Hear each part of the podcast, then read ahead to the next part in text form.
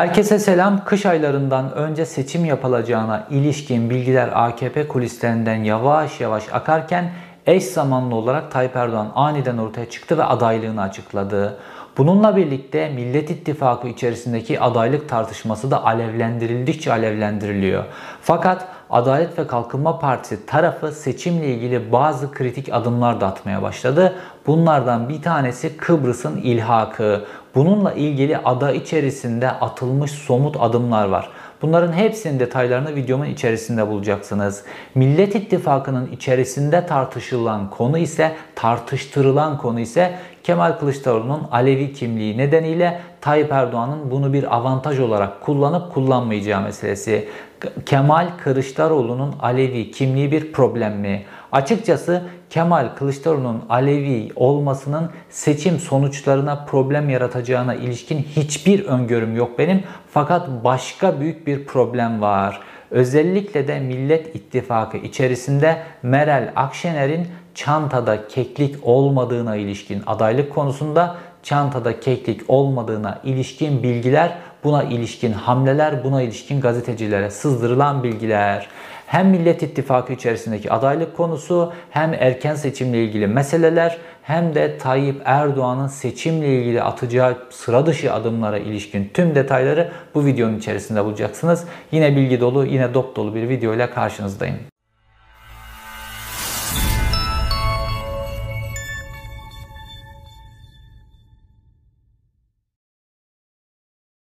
Devlet Bahçeli Cumhur İttifakı'nın adayının Tayyip Erdoğan olduğunu defalarca açıklamıştı. Fakat Tayyip Erdoğan'ın ağzından doğrudan 2023 seçimlerinde ya da daha erken yapılırsa aday olduğuna ilişkin bir cümle duymamıştık. Fakat Tayyip Erdoğan Cumhur İttifakı'nın adayının kendisi olduğunu resmen açıkladı. Peki neden bu zamanlamayla açıkladı Tayyip Erdoğan?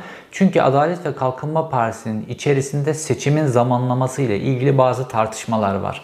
Özellikle Yaz aylarında biliyorsunuz bu seçimin kaderini belirleyecek ana mesele bir adayın kim olacağı, iki ekonomi meselesi. Normalde adayın kim olacağı doğru tespit edilirse bu ekonomi Adalet ve Kalkınma Partisi'ni iktidardan edecek bir ekonomi. Çok büyük bir krizin içerisinden Türkiye geçiyor. Adalet ve Kalkınma Partisi de bunun farkında ve AKP'li yazarlara da baktığımızda seçimin kaderini ekonomi belirleyecek. Seçimde Tayyip Erdoğan bir adayla değil ekonomiyle yarışacak şeklinde bilgiler de sızıyor. Çünkü bunlar AKP'nin içerisinde konuşulan meseleler. Şimdi ekonomik krizle ilgili AKP'nin perspektifi şu şekilde. Yaz aylarında ister istemez sebze meyve fiyatlarında bir düşüş olacak, halkta bir rahatlama olacak, doğalgaz faturaları olmayacak, elektrik faturaları belli bir oranda kış aylarındakine göre karşılaştırırsak belli bir oranda düşecek ve yaz aylarında asgari ücrete yapılacak bir zamla, memur maaşlarında bir düzeltmeyle bu atmosferde turistlerden gelecek dövizle vesaire bu atmosferde en avantajlı seçime şu konjonktürde Kasım ayında gidebiliriz de ilişkin bir bilgi var tüm yaz ayının meyvelerini toplayıp Kasım ayında seçime gidelim şeklinde Adalet ve Kalkınma Partisi iktidarı içerisinde bir öngörü var ve bununla ilgili Tayyip Erdoğan'ı ikna etmeye çalışıyorlar. Bu öngörünün dayandığı nokta şu. Kış ayları geldiğinde döviz zaten kademeli olarak yükseliyor. Kış ayları geldiğinde halkın önüne inanılmaz yüksek enerji faturaları, doğalgaz faturaları, elektrik faturaları gelecek bir. İkincisi dünyada zaten küresel olarak e, gıda fiyatları yükseliyor. E, Ukrayna-Rusya savaşı nedeniyle de iyice yükseliyor. Özellikle ekmek fiyatları, buğday fiyatları yükseliyor. Bunun üstüne bir de kış aylarında normal olarak zaten gıda fiyatlarının yükselmesi Türkiye'deki mesele var. Sebze meyve fiyatlarının. Bunların hepsi üst üste eklendiğinde kış aylarında halkın beli bu sefer bükülmekten ziyade bu kış ayında halkın beli kırılacak ve halk beli kırık biçimde 2023 yılında seçime gidecek. Ve 2023 yılında normalde Haziran ayında seçim yapılacak. Fakat Haziran ayına geldiğinde daha bir sonraki yazın meyveleri daha gelmemiş olacak. Dolayısıyla en kötü durumda e, karanlığın en koyu olduğu anda seçime gidilecek şeklinde bir öngörü var. Hatta e, Haziran aylarına geldiğinde işte Kurban Bayramı ve Kurban Bayramı dolayısıyla hacıların bir ay önceden hacca gitmeleri, dolayısıyla onların oy kullanamamaları meselesi ve e, üniversite sınavı da eklendiğinde seçimin biraz daha öne çekilmesi söz konusu. Seçim biraz öne çekince bir ay kadar öne çekilmesi gibi bir durum söz konusu ve bir ay öne çekilince de zaten kışın o ağır faturasını halk daha çok görmüş olacak ve bu şekilde kimse bu kış beli kırılmış seçmenin Adalet ve Kalkınma Partisi'ne oy vermesini beklemesin şeklinde bir öngörü var. Şimdi bu öngörü aynı zamanda Millet İttifakı içerisinde Kemal Kılıçdaroğlu'nu adaylığa iten, Kemal Kılıçdaroğlu'nu adaylık için cesaretlendiren öngörüyle eş bir öngörü. Bunun detaylarına birazdan geleceğiz. Diğer taraftan Adalet ve Kalkınma Partisi iktidarı içerisinde ikinci bir görüş var. İkinci bir görüş de diyor ki şu anki anketlere göre bile biz zaten seçimi kaybediyoruz. Yaz ayları da bunu çok değiştirmeyecek. Dolayısıyla eğer Millet İttifakı doğru adayla karşımıza çıkarsa biz zaten seçimi kaybediyoruz. Dolayısıyla hiç olmazsa iktidar süremizi uzatalım. Gün ola hayır harman ola. Dünyada bir savaş çıkar, ya at ölür, ya sahibi ölür, bir şey olur vesaire. Dolayısıyla iktidarımızı uzatabildiğimiz kadar uzatalım. Zaten seçimi kaybediyoruz. Bu da ikinci öngörü. Şimdi Tayyip Erdoğan bu iki öngörü arasında gidip geliyor. Fakat ikisini de aniden realize edebilecek şekilde hamleler yapması gerekiyor. İşte bunlardan bir tanesi Türkiye'nin dış politikası ile ilgili yaptığı hamleler. Tayyip Erdoğan içeride her şeyi tüketti. Bütün duyguları adeta bu Adalet ve Kalkınma Partisi'nin MKYK'sı içerisinde söylenmiş bir cümledir. Bir pipeti taktık halkın duygularına, halkın bütün duygularını, değerlerini adeta emdik sömürdük şeklinde bir cümle kullanılmıştı. 7 Haziran seçimlerinden sonra bu süreçten sonra daha da arttı. Dolayısıyla içeride kullanabileceği her şeyi kullandı. Dolayısıyla Kemal Kılıçdaroğlu'nun Alevi olmasını kullanması da artık sökmez. Çünkü Tayyip Erdoğan bunu 2014 ve 2011 yılında seçim meydanlarında biliyorsunuz Bay Kemal zaten Alevi şeklinde bunu zaten kullanmıştı. Alevilik meselesini de kullandı. Kullanmadığı şey kalmadı. Başörtüsünden tutun da toplumun diğer değerlerine kadar, milliyetçilikten dindarlığa kadar, laiklikten dinsizliğe kadar her şeyi sonuna kadar kullandı Tayyip Erdoğan. İçeride kullanılacağı bir şey yok. Tayyip Erdoğan'ın oyunun kurallarını değiştirebilmesi için dışarıda bir şeyler kullanması lazım. Ve son zamanlarda zaten sürekli olarak dışarıda bir şeyleri kullanıyor. Yani 2015 seçimlerinde Türkiye'nin içerisinde Güneydoğu'da şiddeti o kadar arttırdı ki artık Türkiye sınırları içerisinde Kürtlere yönelik bir operasyonun bir getirisi yok Tayyip Erdoğan'a ve Tayyip Erdoğan da bunu fark ettiği için Türkiye dışında Kürtlere yönelik operasyonlar yaptı. Suriye'de vesaire operasyonlar yapmaya başladı. Yine aynı şekilde şimdi baktığımızda Suriye sınırına asker yayıyor. Yunanistan'la tansiyonu arttırabildiği kadar arttırıyor ve Yunanistan'la tansiyon artıp artıp artıp artıp bir noktaya geldiği andan itibaren Tayyip Erdoğan'ın kafasında bir plan var. O plan şu. Kıbrıs'ın Türkiye'ye ilhakı. Yani Kıbrıs'ı Türkiye'nin bir vilayeti yapmak. Bununla ilgili planı var. Ve Tayyip Erdoğan bu planında İngiltere'ye güveniyor. Çünkü İngiltere Avrupa Birliği'nden çıktıktan sonra Kıbrıs'la ilgili İngiltere'nin perspektifinde bir değişme oldu. İngiltere'nin normalde Kıbrıs'la ilgili perspektifi şu. Adada iki taraf arasında sürekli bir gerilim olsun. Dolayısıyla benim adadaki varlığım hiçbir zaman sorgulanmasın. Sürekli olarak bu gerilim olsun. Ben bir garanti olarak bu adadaki varlığım sorgulanmasın. Eğer adadaki problemler çözülürse tamamen varlığı sorgulanacak ilk mesele İngiltere'nin adadaki varlığı. Dolayısıyla İngiltere bu noktaya gelmek istemiyor. Şimdi Avrupa Birliği'nden çıktıktan sonra Kıbrıs halkının da çok büyük bir oranı adanın diğer tarafında adanın Rum kesimi Avrupa Birliği olduktan sonra refah seviyesinin nasıl yükseldiğini görüyorlar ve dolayısıyla kendileri de Avrupa Birliği üyesi olmak istiyorlar. Eğer Kıbrıs'ın tamamı Avrupa Birliği üyeliğine doğru giden bir perspektif olursa bu İngiltere için en kötü senaryo. Dolayısıyla İngiltere için iyi senaryolardan bir tanesi Türkiye'nin Kıbrıs'ın bu tarafını ilhak etmesi. Dolayısıyla Avrupa Birliği meselesinin, adanın tamamının Avrupa Birliği'ne üye olması meselesinin tamamen ortadan kalkması, ilelebet gündemden kalkması. Dolayısıyla da İngiltere'nin adadaki varlığına muhtaç olunması meselesi. Dolayısıyla Tayyip Erdoğan'ın şu an uluslararası konjonktürde Tayyip Erdoğan'ın tek dostu var o da İngiltere. Ve Tayyip, er, daha doğrusu Tayyip Erdoğan'ın en iyi dostu İngiltere diyeyim. Pek çok başka dostları da var. Dünyanın çeşitli yerlerinden mesela Mudro ya da Putin vesaire gibi. Ee, İngiltere ile çok partner şekilde çalışıyor. Özellikle 2014 yılından itibaren bu başladı. 2016-15 Temmuz'da zirveye çıkmıştı zaten. Sonrasında da devam etti. Şimdi Tayyip Erdoğan için içeride kullanabileceği, özellikle milliyetçi oyları kendine çekeceği ve bir milli dava haline getirebileceği meselelerden bir tanesi bu. Bununla ilgili bazı somut adımlar atıyor. Şimdi Kıbrıs'ın sisteminin değiştirilmesi, oraya bir saray inşa edilmesi, Kıbrıs'ta işte kukla bir yönetimin iş başına getirilmesi, Kıbrıs'taki seçimlere doğrudan müdahale edilmesi, Kıbrıs'a mafya ihracı vesaire gibi meselelerle Kıbrıs'ta tarlayı sürebildiği kadar sürdü Tayyip Erdoğan. Fakat geçtiğimiz günlerde bir protokol imzalandı ve 200 tane Türkiye Cumhuriyeti polisinin Kıbrıs'ta görevlendirilmesiyle ve onlara ilişkin nerede e, görevlendirileceğine ilişkin bir bina da tahsis edildi. Burada Kıbrıs'ta Türk polisi görev alacak. Normalde Kıbrıs'ta garantörlük çerçevesinde Türk askerleri görev alıyorlar. Fakat Türk polisinin Kıbrıs'a gönderilmesi ilk defa olacak. Normalde Kıbrıs halkının popülasyonu oldukça değişik. Kıbrıs'ta polisler silah dahi taşımazlar. Bu da İngiltere'den e, bir İngiltere'den gelmiş olan bir e, meseledir. İngiltere'den kopyalanmış bir durumdur.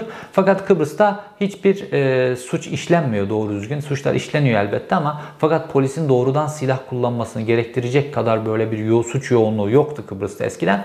Dolayısıyla Kıbrıs'ta polisin silahı dahi yoktur. Fakat Adaya 200 tane şimdi Türk polisi konuşlandırılıyor.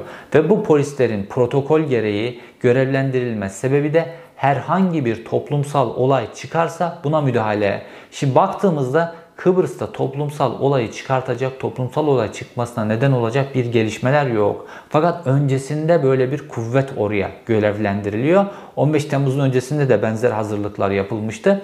Şimdi ada ilhak edilirse, bununla ilgili bir karar çıkartılmak için parlamentolar zorlanırsa ee, bu durumda Kıbrıs'ta protestoların ortaya çıkması durumu var. İşte o zaman bu polis gücüne ihtiyaç olacak.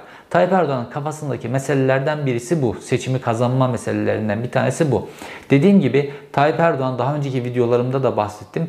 Çeşitli seçimlerde hep çılgın projeleri oldu. Hep böyle projeler bunlar inşaat projeleri, yol projeleri, köprü projeleri, başka proje, uzaya çıkma projesi, yerli oto projesi vesaire artık yerli savaş uçağı projesi, proje proje proje bu tip vaatleri bitirdi. Tayyip Erdoğan artık Türkiye içerisinde vaatler, Türkiye içerisinde hamlelerle yapabileceği bir şey yok. Türkiye dışında bir şeyler yapması lazım ve halkın önüne Türkiye Cumhuriyeti topraklarını metrekare olarak büyütmüş, kilometre kare olarak büyütmüş bir lider olarak çıkmak istiyor. Bununla ilgili planlar var. Bunu realize edebilir mi? edemez mi? Onu bazı şartlar belirleyecek. Uluslararası konjonktürde Tayyip Erdoğan'ın ne kadar ileri gideceği, ne tip anlaşmalar yaptığına ilişkin ve bu anlaşmalar karşısına neler verdiğine ilişkin durumlar belirleyecek bunu. Şimdi bunun karşısında bu ve bunun gibi adımlarla ilgili Tayyip Erdoğan seçimi e, yavaş yavaş ısıtıyor ve bunları şu an yapmak zorunda. Çünkü seçimi Kasım ayında yapmak mı yoksa Mayıs Haziran'da yapmak mı Tayyip Erdoğan'ın kafasında sürekli gidip gelen konular. Fakat ikisini de realize etmek için ikisinin de altyapısının şimdiden oluşturulması lazım. Dolayısıyla adaya asker gibi adaya polis göndermekle ilgili mesele daha şimdiden halledilmiş oldu. Tabi Tayyip Erdoğan diğer taraftan esas olarak halletmesi gereken meselelerden bir tanesi de karşı tarafın adayını kendisinin belirlemesi. Şimdi karşı tarafın adayını Tayyip Erdoğan'ın kendisi bazı seçimlerde belirledi. Mesela Kemal Kılıçdaroğlu'nun bu konuda yaptığı 3 tane çok büyük hata vardır. Bunu başka bir videomda da anlatmıştım. Bir Ekmelettin İhsanoğlu'nun Tayyip Erdoğan'ın karşısına çıkartılması. Orada Kılıçdaroğlu'nun hedefi neydi? Ya Tayyip Erdoğan seçimi kazansın, Cumhurbaşkanlığı seçimi bir şekilde Cumhurbaşkanı olsun.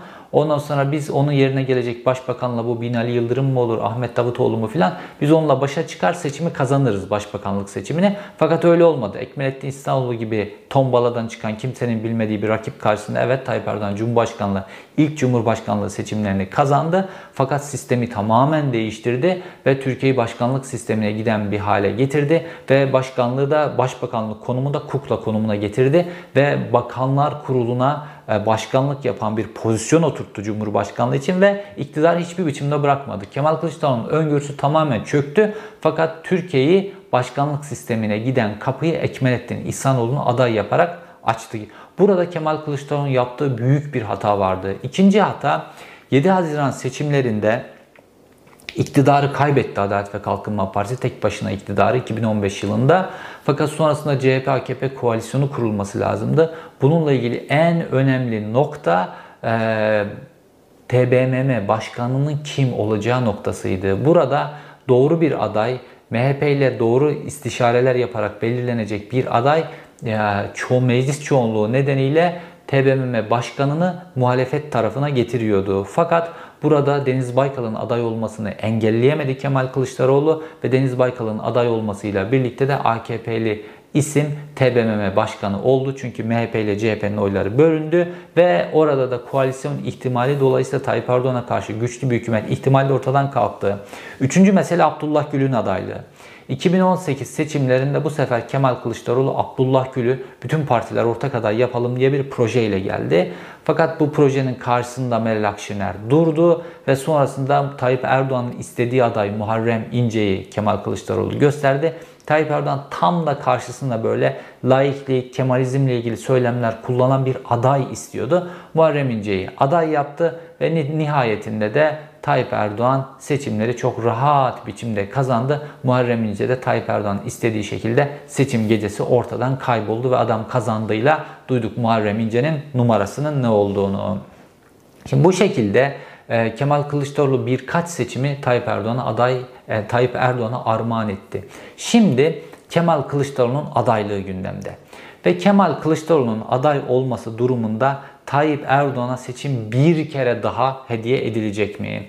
Şimdi bununla ilgili Tayyip Erdoğan'ın davranışlarına bakmak lazım. Tayyip Erdoğan Kemal Kılıçdaroğlu'nu aday yapmak için Devlet Bahçeli ile beraber sürekli olarak Kemal Kılıçdaroğlu'nu e, tahrik ediyor ve karşısında muhatap olarak sürekli olarak Kemal Kılıçdaroğlu'nu alıyor ve Tayyip Erdoğan Kemal Kılıçdaroğlu'nun aday olmasını istiyor. Bu net. 2 kere 2 4 kadar net. Tayyip Erdoğan ne Mansur Yavaş'ın ne Ekrem İmamoğlu'nun ne Meral Akşener'in karşısında aday olmasını istemiyor. Tayyip Erdoğan Kemal Kılıçdaroğlu'nu karşısında aday olarak görmek istiyor. Çünkü Tayyip Erdoğan hep karşısındaki adayı belirleyerek, karşısındaki adayları yok ederek ilerledi bugüne kadar. Alternatifsiz olmak Tayyip Erdoğan'ın bir numaralı kuralıdır. Hem merkez sağda bütün alternatifleri yok etti. Partileri ya satın aldı ya partilerin liderlerine çeşitli ihaleler vererek işte onları kendi taraflarına çekti vesaire. Bu şekilde parti içerisindeki Abdullah Gül gibi adamları doğradı, biçti, parti içerisine sokmadı filan kendisi rakipsiz hale getirdi. Alternatifsizlik bir numaralı ihtiyacı. Ve bu şekilde de Tayyip Erdoğan eğer karşımda Kemal Kılıçdaroğlu olursa ben yine sağ seçmenin bütünü için, sağ ve milliyetçi seçmenin bütünü için tek alternatif olurum ve mecburen bana oy verirler diye düşünüyor. Şimdi burada muhalefetin tartıştığı bir e, konu var ve bu tamamen yanlış biçimde tartışılıyor ve bence tartışılmaması da gerekiyor.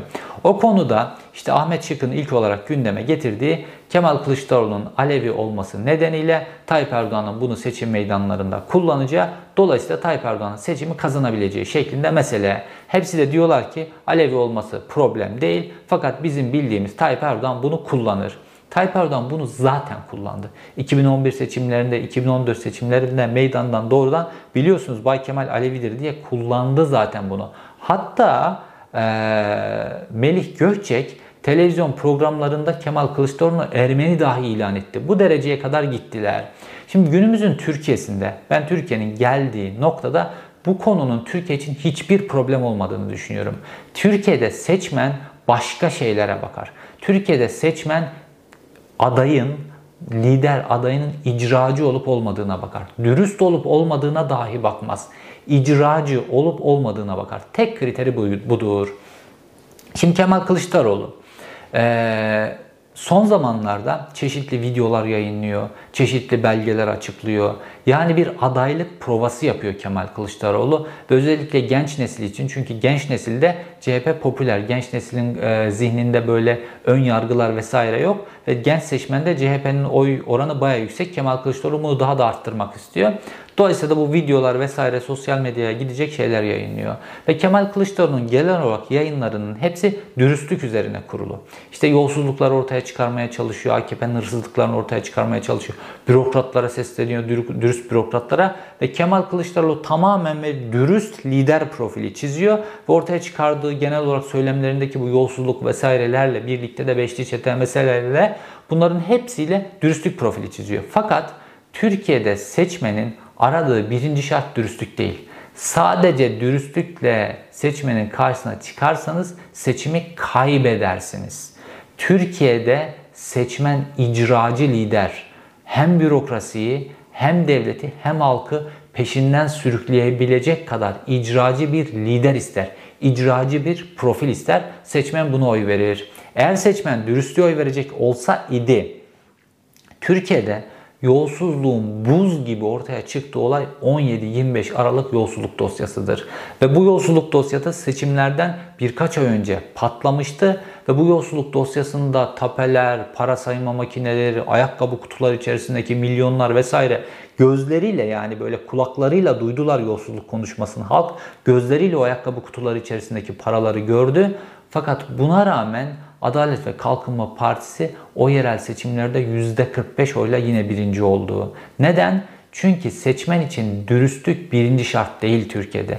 Türkiye'de seçmen icracılık istiyor. Çünkü uzun yıllardır siyasetin Türkiye'de işleyiş biçimi maalesef ki çalıyor ama çalışıyor meselesini oturttu maalesef ki ve pek çok iktidardan iş başına gelen bütün iktidarlarda yolsuzluk gördü halk fakat yolsuzluk yapan iktidarlardan bazıları çalıştılar, bazıları çalışmadılar. Mesela ANAP'a çok büyük destek verdi. ANAP döneminde de çok yolsuzluklar oldu. Başka iktidarlar geldiğinde de e, Ecevit koalisyonunda da yolsuzluklar vardı. Bütün iktidarlarda yolsuzluklar oldu Türkiye'de. Fakat bu yolsuzluk yapan iktidarlardan bazıları çalıştılar, bazıları çalışmadılar. Dolayısıyla da seçmenin önceliği çalışan iktidar. Şimdi eğer halkın karşısına çıkacaksanız bu Alevilik, Malevilik bunlar hiçbirisi problem değil seçmen için. Seçmen eğer karşısındaki lider adayı icracı ise ne onun etnik kimliğine bakar, ne boyuna bakar, ne posuna bakar, ne sesinin tonuna bakar. Seçmen karşısında icracı bir lider olarak görmek, bir lider görmek ister. Şimdi Kemal Kılıçdaroğlu'nun çizdiği profilde bu yön eksik. Kemal Kılıçdaroğlu dürüst lider profili çiziyor. Kemal Kılıçdaroğlu yayınladığı videolar, attığı tweetler, grup toplantılarında yaptığı konuşmalar bunların hepsi dürüstlük etrafında dönüyor ve geldiğinde bu yolsuzluklarla ilgili hesap sorma etrafında dönüyor. Kemal Kılıçdaroğlu icracı bir lider profili çizmiyor. Oysa bu ekonomik kriz içerisinde icracı lider profili roket gibi yükselecek bir profil.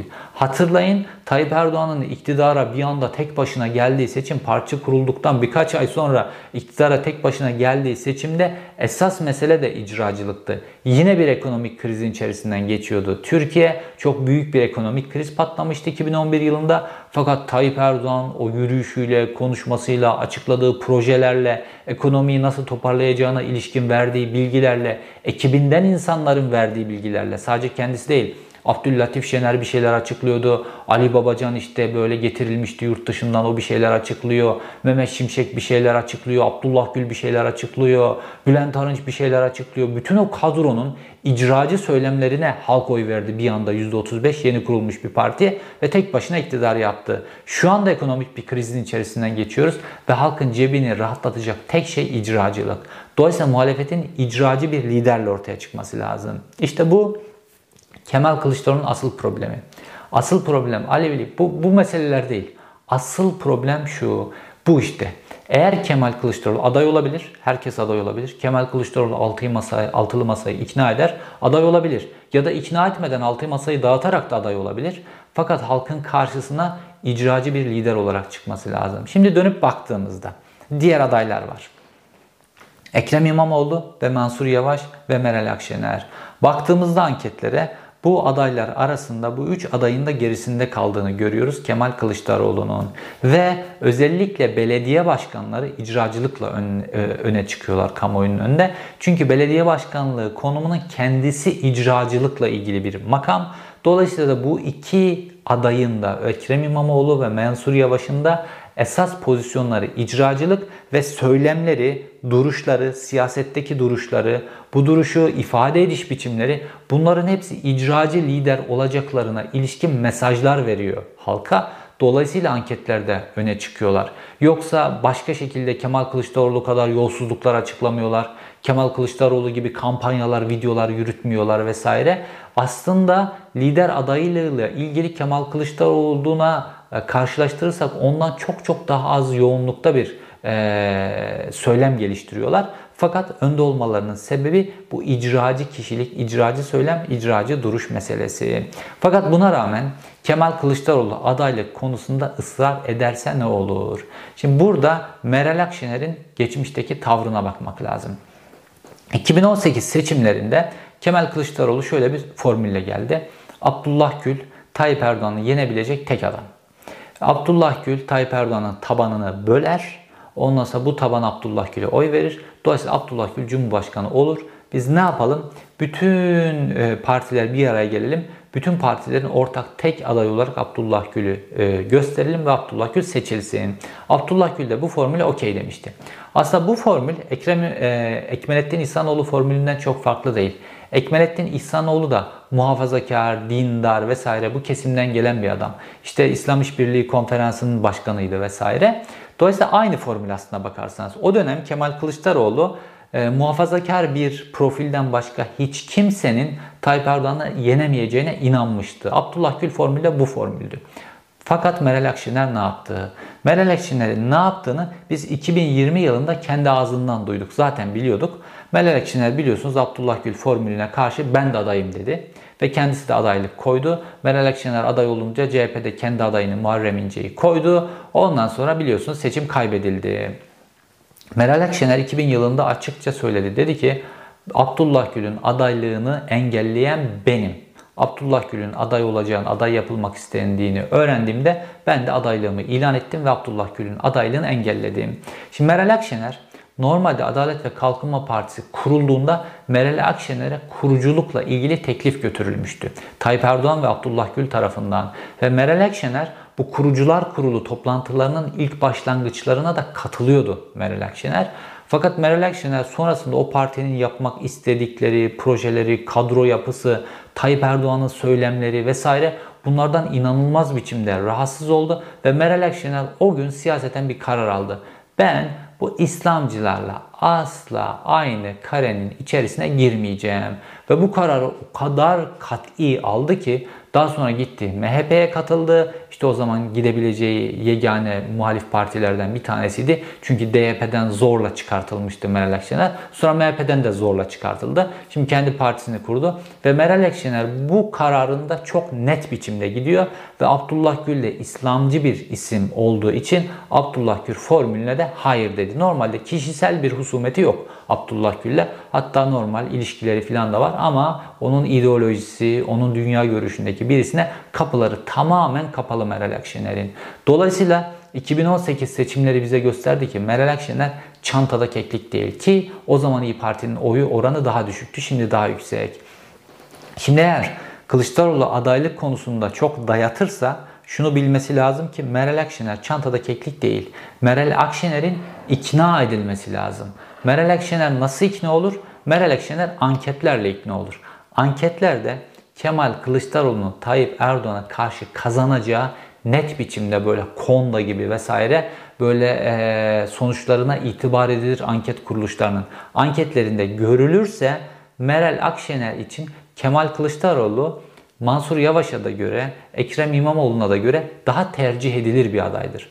Normalde herkes için aslında Kemal Kılıçdaroğlu daha tercih edilir bir aday. Çünkü bütün bu altılı masanın temel meselesi parlamenter sisteme geçmek. Ve kafalarda hep şu şüphe var. Mansur Yavaş gibi ya da Ekrem İmamoğlu gibi birisi güçlü tek adam olursa parlamenter sisteme geçme konusunda tornistan yapar mı? Bütün mesele bu. Ama eğer Kemal Kılıçdaroğlu olursa herkes biliyor ki sözüne güvenilir bir adamdır ve parlamenter sisteme geçer. Meral Akşener de bunu biliyor. Dolayısıyla eğer anketlerde Kemal Kılıçdaroğlu'nu Tayyip Erdoğan'a karşı kazanıyor görürse Meral Akşener Kılıçdaroğlu'nu destekler. Bunu görmezse Kılıçdaroğlu'nu desteklemez. Ha anketler şöyle dahi çıksa. Mesela Tayyip Erdoğan'ın karşısında Ekrem İmamoğlu %60 alıyor. işte Mansur Yavaş %60 alıyor. Kemal Kılıçdaroğlu %53 alıyor. Meral Akşener yine Kemal Kılıçdaroğlu'nu destekler. Fakat Kemal Kılıçdaroğlu'nun Tayyip Erdoğan'dan fazla aldığını görmesi lazım. Şu anki anketlerde Kemal Kılıçdaroğlu Tayyip Erdoğan anketlerinde Tayyip Erdoğan Kemal Kılıçdaroğlu'nun üstünde. Dolayısıyla bu tabloda kimse Meral Akşener'in çantada keklik olmasını beklemesin. Fakat CHP içerisinde şöyle bir şöyle bir söylem var. Bunu da bazı anketlere dayandırıyorlar. Fakat bu anketlerin ne kadar güvenilir olduğu konusunda benim şüphelerim var. Tayyip Erdoğan karşısında kim aday olursa kazanıyor. Tayyip Erdoğan karşısında herhangi birisine aday yaptığınızda en az %60 alıyor.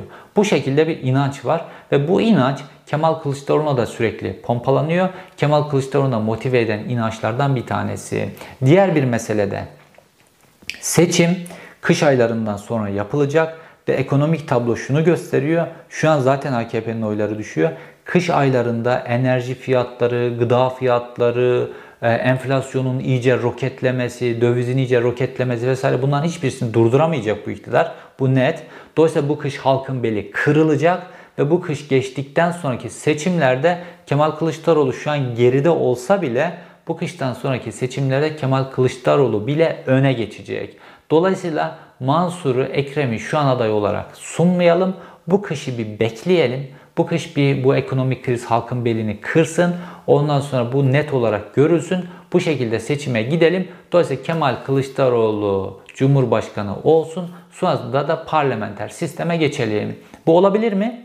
Kağıt üzerinde mümkün mü? Olabilir. Şartlar bu kıştan sonra çok değişebilir.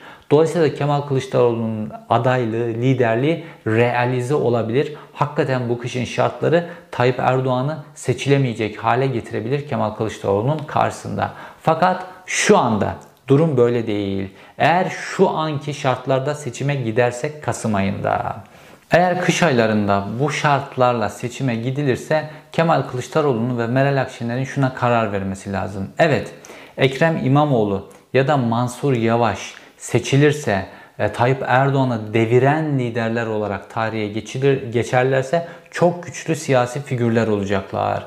Ve Türkiye'nin geleceğinde bir sonraki seçimde yani parlamenter sisteme geçilse bile bu iki isim artık lider olmuş olacaklar ve dolayısıyla bu iki ismin Tayyip Erdoğan'ı devirmiş, parlamenter sisteme geçişi organize etmiş liderler olarak başbakanlık konumu ile ilgili aday olma hakları da var. Cumhurbaşkanlığı konumu ile ilgili aday olmak hakları da var. Bu pozisyonda olurlar çünkü Tayyip Erdoğan'ı devirmiş lider olacak. Bunu başarmış kişiyi. Dolayısıyla eğer bu kişi kimse bu Ekrem İmamoğlu ya da Mansur Yavaş başbakan da olmak isteyebilir parlamenter seçime geçildiğinde cumhurbaşkanı da olmak isteyebilir. Dolayısıyla iki koltuktan birisi kapıldığında ya Meral Akşener'e bir koltuk kalmayacak ya Kemal Kılıçdaroğlu'na bir koltuk kalmayacak. Fakat Meral Akşener ve Kemal Kılıçdaroğlu'nun şuna karar vermesi lazım. Tayyip Erdoğan gibi ülkenin geçmişini, geleceğini, ülkenin yeraltı, yerüstü bütün değerlerini tahrip eden, nesiller boyu sürecek tahribatlara yol açan bir lideri devirmek, bir tırnak içerisinde diktatörü devirmek kendilerine tarihi olarak tarih yazıldığında yetecek mi, yetmeyecek mi? Aslında bu çok büyük bir onur. Hiçbir koltuk beklentisi olmadan parlamenter sisteme geçilse de geçilmese de hiçbir koltuk beklentisi olmadan Türkiye'yi böyle bir badireden, Türkiye'yi böyle bir beladan kurtaran liderler olarak tarihe geçmek Meral Akşener'e yetecek mi, yetmeyecek mi? Buna karar vermeleri lazım. Eğer buna karar verirlerse ve bu bize tarih önünde bize de evlatlarımıza bırakacak bir miras olarak da yeter derlerse o zaman anketlerin dediğini yaparlar. Anketler Tayyip Erdoğan'a karşı garanti olarak çünkü muhalefet seçimi seçimden önce garanti olarak kazanmazsa o seçim gecesinde kaybeder. Ve seçim gecesinde seçimi kaybedecek devlet içi ayarlamalarla ilgili de Tayyip Erdoğan şimdiden bazı operasyonlarla ayarlamaları yapmaya başladı. Dolayısıyla buna karar vermesi lazım. Meral Akşener'in ve Kemal Kılıçdaroğlu'nun tarihi bir karar anı. Koltuklarından gelecek potansiyel koltuklardan da vazgeçmeleri lazım. Ve ikisi de Kemal'e ermiş artık torunlarına düzgün bir Türkiye bırakacak son hamlelerini yapacak kritik bir noktadalar. Ya çok büyük bir yanlış yapacaklar ve tarihte bir daha tarih onlara bu yanlışlarını düzeltme şansı da vermeyecek yaşları itibariyle ya da koltuk sevdası, koltuk düşüncesi artık son anlarında siyasi son hamlelerinde bile bir daha Türkiye Cumhuriyeti'nin başbakanı ya da cumhurbaşkanı olma fırsatı bulamayacaklarını bile bile doğru karar verecekler. İşte bu Türkiye'nin tarihinde Meral Akşener'in de Kemal Kılıçdaroğlu'ndan nasıl anılacağına ilişkin mesele. Dediğim gibi seçimin potansiyeli seçimdeki adayın kim olup olmayacağına ilişkin mesele seçimin Kasım ayında mı yoksa çetin geçecek kıştan sonraki şartlardan nasıl yapılacağına ilişkin değişiklik gösterecek. Bu değişiklikler Kemal Kılıçdaroğlu'nun aday olmasını mümkün de kılabilir fakat mümkün de kılmayabilir. Bunların hepsini şartlar gösterecek. İzlediğiniz için teşekkür ederim. Bir sonraki videoda görüşmek üzere.